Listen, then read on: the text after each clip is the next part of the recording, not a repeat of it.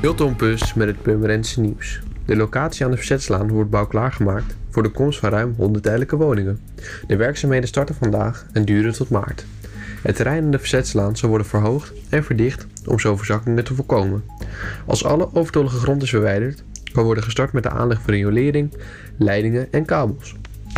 De 108 woningen zullen worden verdeeld over drie bouwblokken en drie verdiepingen. Er komen ruim 70 parkeerplaatsen en afsluitend voor de bomen en planten geplaatst. Cultuurhuis Wereland verzorgt op maandag 13 januari een interactieve middag over en voor jonge mantelzorgers. Daarbij vertellen onder meer twee jonge mantelzorgers over hun eigen ervaringen en verzorgen jongeren van het Forum Theater Doc verschillende scènes over dit onderwerp. 1 op de vier jongeren tot 24 jaar groeit op met een familielid die kampt met een ziekte, verslaving of psychische problemen. De middag duurt van 4 tot 6. Entree is gratis.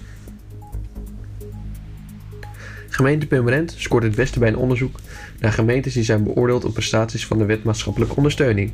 Deze wet is bedoeld om burgers te helpen om zo lang mogelijk thuis te kunnen blijven wonen.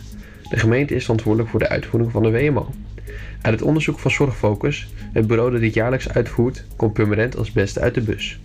Voor meer nieuws, kijk of luister natuurlijk naar RTV Purmerend. Volg onze socials of ga naar rtvpurmerend.nl